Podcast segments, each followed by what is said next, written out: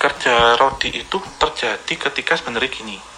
Waktu sampai tengah kas negara pemerintah kolonial itu habis mas. Kas negara. Jadi waktu itu kemudian pemerintah kolonial bekerja sama dengan dengan penguasa setempat itu minta warga untuk bekerja membantu maksudnya masuk dalam proyek ini.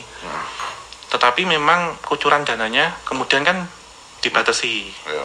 Dibatasi Entek lah. habis entek gitu. Sehingga sampai ke bawah nggak ada. Jadi terkesan kerja rodi.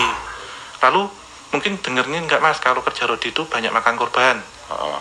itu sebenarnya kalau saya saya melihat tentang manajemen proyek ya di era itu memang belum ada keselamatan kerja. Ketiganya belum se, se standar hari ini jadi orang yang masih kecapean tetap kerja kecelakaan kerja belum pakai Topi. helm ah, belum pakai rompi dan macam-macam Timpa watu mate. nah seperti itu